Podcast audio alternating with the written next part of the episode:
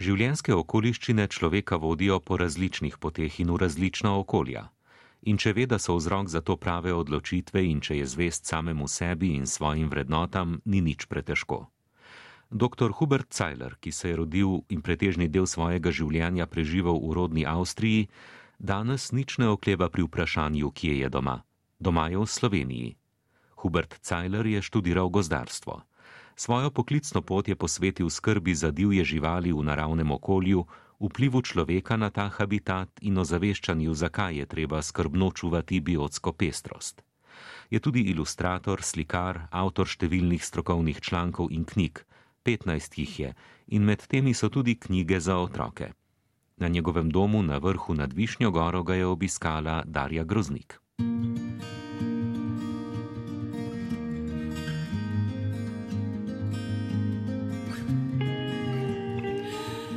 Dr. Hubert Zajler, tukaj stojiva v res idiličnem okolju nad Višnjo goro pred vašo hišo in pogled je res čudovit. Kaj vse vidimo? Jaz bi, bi rekel, da vidimo skoraj polovica Slovenije. Če gledamo proti jugu, je snežnik čist na robu meje Hrvaške in posebno same je, eh, kar sem gosta, da tukaj gostove tako daleč, kot vidimo ali gledamo, eh, je samo gost. In po mojem je to nekaj zelo posebnega, da moraš daleč hoditi okrog v srednji Evropi, da taka pokrajina vidiš. In moram tudi reči, da slovenski gostari delajo brez koloseka, to pomeni, da je res zelo naravno. In, ja, in če gledamo na zahodni stran, vidimo uh, Trnavski gost, potem še Triglav. In če bi šel tukaj gor na hribu, zadaj pri nad vašo hišo. Ja, potem uh, tam vidiš Kamniške Alpe, Velika planina, karavanke in ja, skoraj cela Slovenija. Kaj vam pomeni ta pogled? Ja, zelo širok je. Je tudi veliko, da imaš odprt ugled in tudi si bolj blizu narave, ker naprimer vreme tukaj jaz bolj počutim, ker sonce je tukaj cel dan in če pride jo oblaki ali nevihta ali nekaj, še oddaleč vidi, kje pride. Kaj prihaja? Ne? Ja, kaj prihaja. In zdaj nekaj let uh, je tudi zanimivo, smo pokrontali, da tukaj, točno tukaj, kjer smo mi zdaj, to je ena migracijska uh, ruta od ptice. In eh, pomlad in tudi uh, v jeseni pridejo širjavi. In ne moreš verjeti, če tukaj iz Ljubljansko barija še oddaleč vidiš nekaj sto ptic in pridejo tukaj mimo, ampak potem, ker mi smo malo više gor, na 600 metrov smo, smo tukaj, eh, potem te ptice eh, letijo bolj nizko in potem tukaj krožijo in krožijo, da pridejo gor in direktno pri nas na hiši eh, potem gre to vse naprej. In to je zdaj tudi znak za konec leta in za začetek leta, je lep znak. Ja.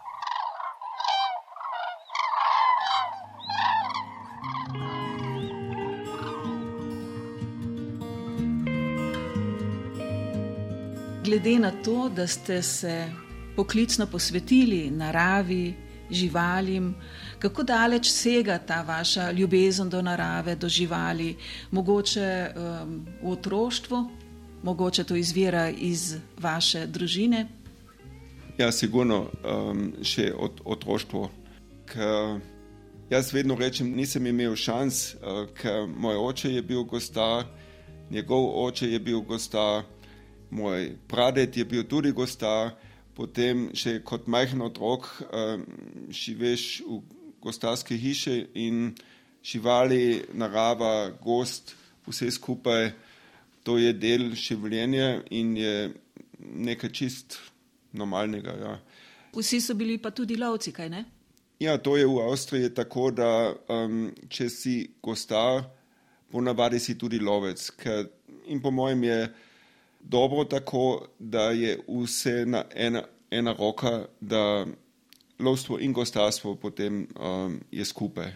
jaz imam zelo lepe spomine na tisto gostarstvo hišo. To je tudi tako v Avstriji um, veliko, to moram povedati, mogoče veliko. Um, gostari delajo za privatne lasnike. In to je bil en velik lasnik, on je imel posestvo na Koroškem 5000 eh, hektarjev, ampak potem je tudi tako, da ti kot gostar živiš v gostarsko hišo in ta hiša je od tega lasnika. In seveda smo imeli psi, vedno um, več kot samo en. Uh, in, Aha, vi ste živeli v tej hiši? Ja, ja mi smo tam uh, živeli in včasih oče je prinesel tudi kakšen žival domov. Jaz se spomnim mlade um, šoje, naprimer, je bilo zelo lušno. In seveda, kot smo bili tri, štiri leta, komaj da smo hodili, smo šli tudi s njim na lov in tudi po simi, naprimer na kamišče, da dajmo hrane uh, s živali po simi. In moram reči, oče je bil ja, zelo strok, to pa tudi lahko rečem.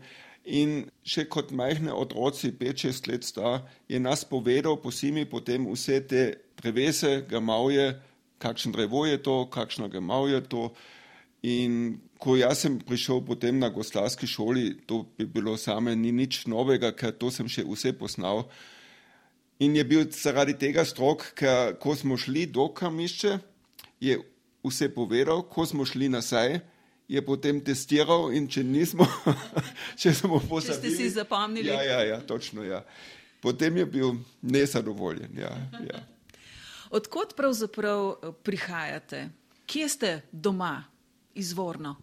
Ja, doma, to je zdaj same težko vprašanje, ampak rojen sem na Travski dolini, to je um, zahodni del Koroška. Jaz moram reči, mogoče je to tudi pomembno, ker sem veliko okrog Alpah in uh, tam Dravska dolina se širi. Imamo še vedno um, gore do 2700 metrov, ampak ni več taka, da so samo visoke gore, malo je še odprto.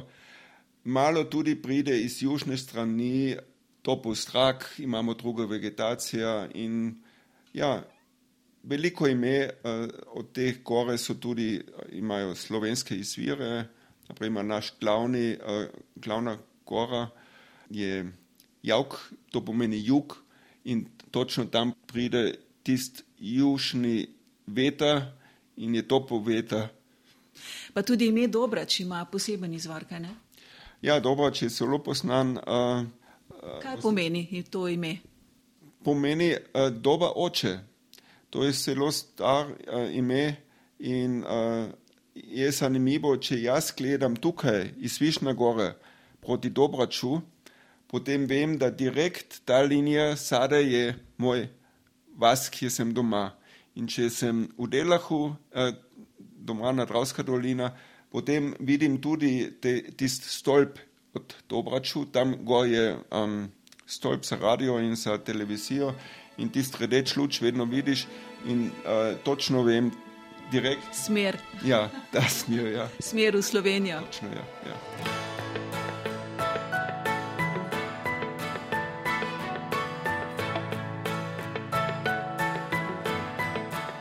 V Slovenijo vas je pripeljala zelo lepa ljubezenska zgodba. Nam jo lahko na kratko zaupate?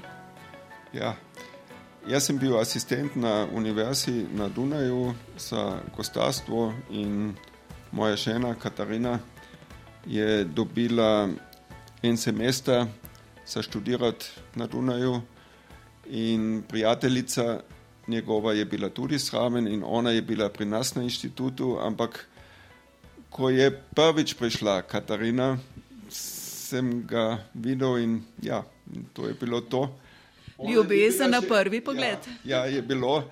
Ona ni bila tako prepričana, ampak.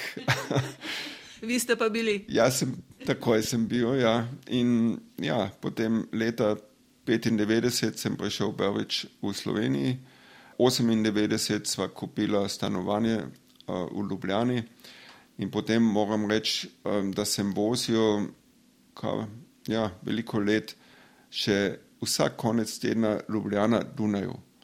Ker ste bili v službi? Ja, ne? sem imel še vedno tam službo.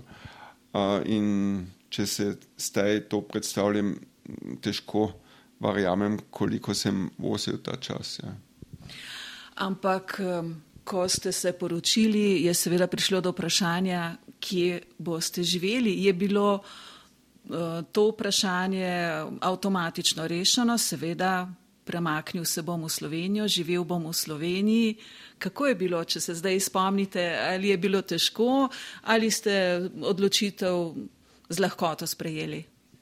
Moram reči, s lahkoto sem uh, to sprejel. Uh, in sicer imamo samo dve možnosti. Ali žena pride v Avstriji ali jaz v Sloveniji. In to je tako blizu skupaj, da sem rekel, na, lahko sem jaz bolj fleksibilen. Uh, in Katarina je vedno rekla, da noče iti v Avstriji.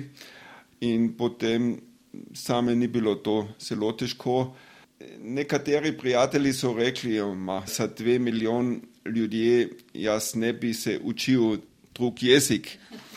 In jaz sem potem vedno rekel, ne za dve milijon ljudi ne se učim, samo za ena, to se učim. Ja. Ampak učenje slovenščine se vam je zdelo na začetku zelo težko, kaj vam je najbolj nagajalo? Ja, je res težko in še vedno je same zelo težko, mogoče itak slišite tudi. Ampak um, je veliko, da moški, ženski spol je čist drugače kot v Nemčiji, potem dual, potem da deklinirate tudi substantive, vse je čist drug jezik. To nimamo mi nič s tem ja, v, v Nemčiji. In zdaj počasi se bom učil, ampak vem, da nikoli ne bom govoril čist pravilno. Ja, to to. Ampak vendarle čestitke ste se zelo lepo naučili slovensko. Ja, hvala.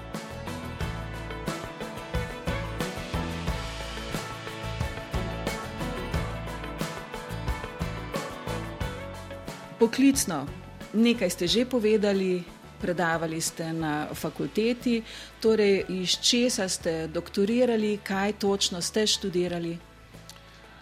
Študiral sem gostarstvo, ampak ko sem jaz prišel na univerzo, sem videl, da je en inštitut in tam predavajo za divje živali in habitat od divje živali. In se spomnim točno, jaz sem bil mlad študent, nisem nič vedel in sem takoj sem šel na tisti institut in sem vprašal tega profesorja, ali lahko um, pridem na predavanje. In on mi je debel pogledal, in, in to je bilo še čas, da ni bil tako strok red na univerzi. Si bil res svoboden študent. In je rekel, ja, če hočete, pridete, nimam nič proti, kdo je pri meni v uh, lekcije. In sem delal potem čez ne, tri, štiri semestre sem delal vse te predavanje in vse seminare, kaj je on imel. In potem mi je on vprašal, če lahko imam veselje, da uh, bom še kot študent delal kot asistent. In seveda sem rekel, da uh, s veseljem in sem bil študijski asistent. Še. In potem sem dobil tam službo na inštitut. Uh, smo imeli res tudi lepe, velike projekte, se spomnim, prvi narodni park v Avstriji, um, Hohe Tauern, uh, smo mi vse te osnovne delali za tisti narodni park, je bilo zelo lep čas. Potem sem diplomiral tam in v doktorat sem raz, raziskoval prvič, kdo so sploh lovci pri nas, kdo je to, in potem tudi, kako imajo menje na dujat, na habitat, na različne teme okrog dujat. In to smo analizirali. A tudi to, katere divje živali jih pravzaprav najbolj zanimajo, jih najbolj uh, vznemirjajo? Točno to tukaj. Ja. In sem bil potem tudi v Kanadi zaradi tega, ker tam je bil en specialist, prostist, mi rečemo po angliško human dimension. In sem tudi delal to zaradi tega, ker ta prvi strokovnjak za divje živali in za management od divje živali, to je bil Aldo Leopold in on je rekel, ni dovolj, da mi se fokusiramo samo na biologijo. Veliko bolj pomembno je, da imamo komunikacijo s ljudmi. In on je vedno rekel, da 10% je biologija in 90% je komunikacija. Ampak, če hočeš komunicirati, potem rabiš tudi osnovne podatke, eh, kako ljudje mislijo. In to sem takrat delal, in to je bil ta čas, da v Ameriki so prišli vedno več specialiste, in je bil en del moje raziskovanja potem. Ja. Če vas prav razumem, vas zanima in to raziskujete in skratka želite vplivati na to, kako ljudje gledamo, naprimer, mogoče niti ne razumemo, da uh, ni prav, da je cesta speljana tam, kjer si zamislimo, ker s tem posegamo v habitat. Skratka, da vsi ti posegi v naravno okolje na drugi strani pomenijo poseg v življenske okoliščine živali, ki tam živijo. Ja, točno tako. In jaz mislim, da veliko ljudi sploh ne, ne mislijo na to, ker ne znajo te divje živali, ampak uh, nismo sami na planetu in, in še vedno je, jaz bi rekel, srednja Evropa je prostor za, ali habitat za veliko živali in živimo skupaj in moramo skrbiti, da tudi druge vrste preživijo. In, uh, ja, in to je glavni del mojega služba, službo. In, službe. Službe, hvala. In veliko sem prevajalec. Veliko krat sem samo prevajalec, to pomeni, da te znanstvene rezultate, da to potem pišem knjige, pišem članke na bolj enostaven jezik, da razumejo ljudje. In zdaj, naprimer, smo tudi gradili na Štajerskem en velik center, uh, mi rečemo naravni svet Štajerska. In to je en center za predavanje za otroke, da malo razumejo. Razumejo, ja, in da imajo malo več kontaktov z naravo. In, in je zelo, moram reči, zdaj uspešen nekaj tisoč otroci so še prišli in uh, to je lepa dela, da, da vidiš, da se zanimajo, ampak moraš ti tudi biti aktiven, da ne samo čakaš, da to sam se zgodi. Ja. Ja, treba je vplivati na miselnost ljudi, da se bomo zavedali, kako pomembna je narava in uh, živali in vse, kar je uh, okoli nas. Kratka, kot ste vi povedali, na tem planetu ne živimo sami. Mhm.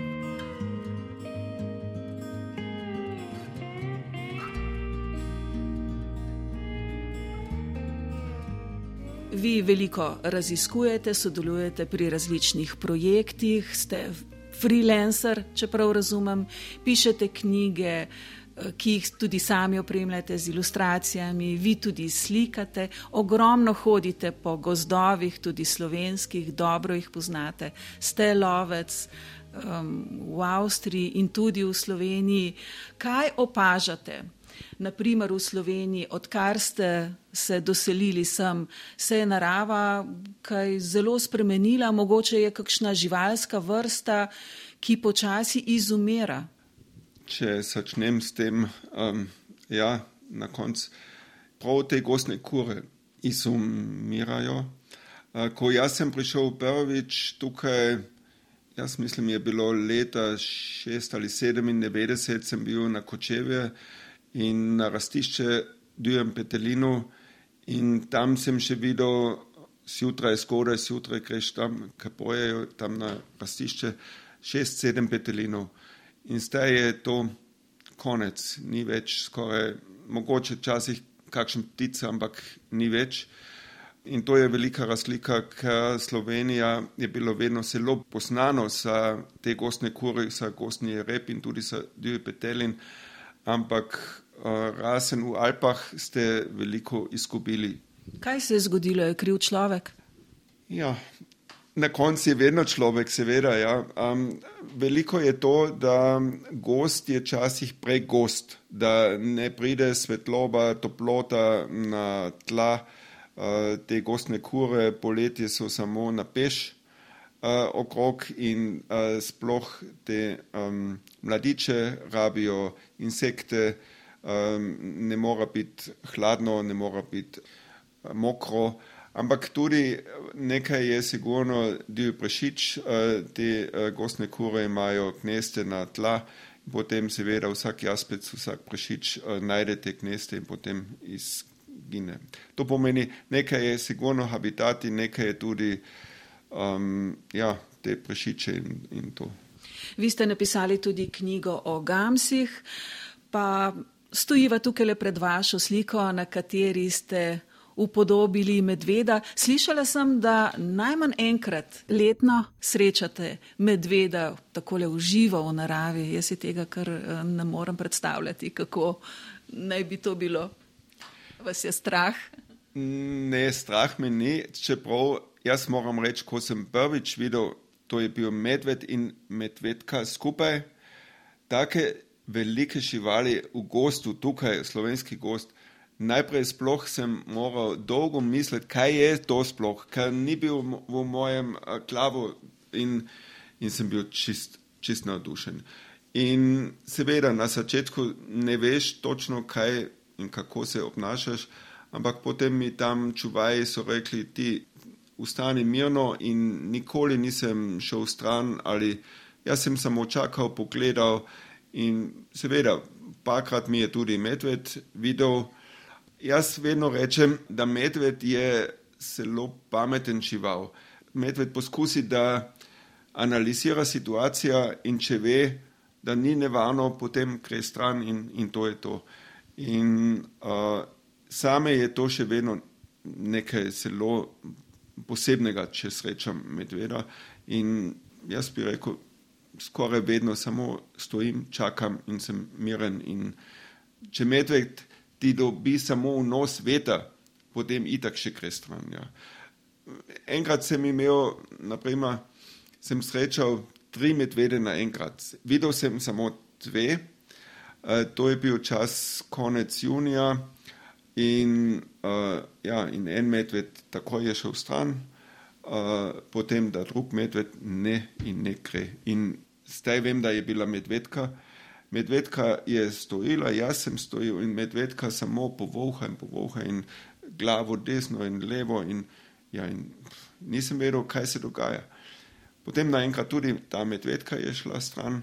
In ko je šla mama stran, sem še le videl, da je mladič je sraven bil gor na drevo.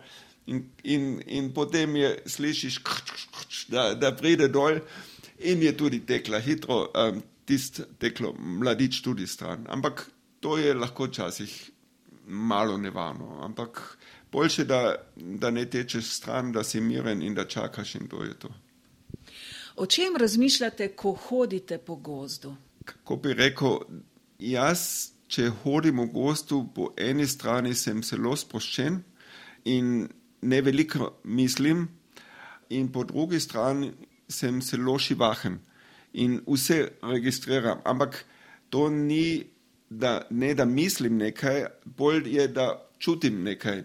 Če si tako dolgo kot jaz sunaj, potem mene veliko gre za to, da razumem zakaj je to to, ali da analiziram te situacije.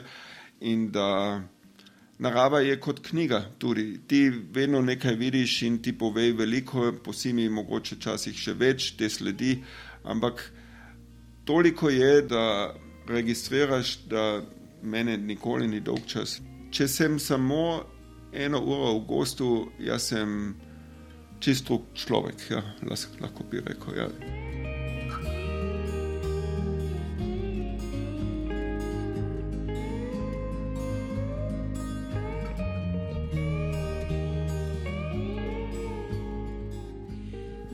Veliko raziskujete, veliko veste, pišete, analizirate vpliv človeka na naravo, na to biotsko raznovrstnost. Ste kdaj jezni na človeka, ki tako grobo poseže v naravo? Jaz nikoli nisem. Jaz imam dve stvari, mogoče ni, ni prav, ampak sem tak. Jaz nisem sodnik in jaz pa tudi nisem misionar. In to je to. Jaz rad povem, jaz rad. Svetujete najbrž tudi? Ja, in, ampak če nekdo ne noče slišati, potem to je to, jaz akceptiram. In, in mogoče je narobe, ampak seveda meni to ni všeč in veliko vidim, kaj je tudi narobe in kaj delamo narobe. Ampak boljše je potem, da pomagaš, da poboljšaš in ne da preveč kritiziraš. To mogoče ne po, veliko pomaga. Jaz sem imel ali imam še vedno veliko primerov, če imaš ti pozitiven primer, to veliko krat bolj pomaga, kot da ti samo kritiziraš. Posebno, naprimer, te gostne kure, uh, to so lepe projekte in če čez nekaj let vidijo, da so uspešni ti um, gostari ali, ali lastniki, to je najbolj uh, uspešno, ker potem pridejo druge, uh, hočejo to pogledati in to je to.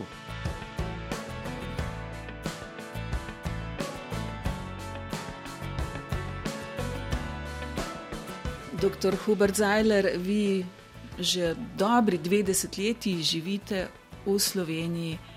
A kaj pogrešate Avstrijo? Seveda ste poklicno povezani z njo, z državo, delate različne projekte, pa vendar živite v Sloveniji, pogrešate Avstrijo? Ne, to je čist jasno.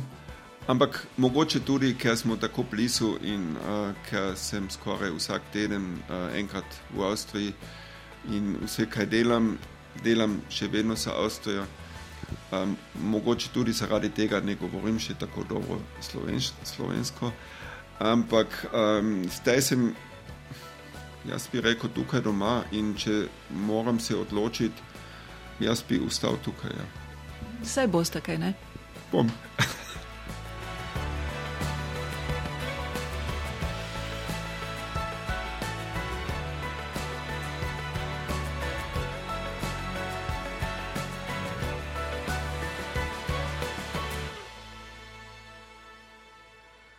Poslušali ste oddajo Razkošje v glavi, v kateri je Darja Groznik radijsko portretirala dr. Huberta Cajlarja.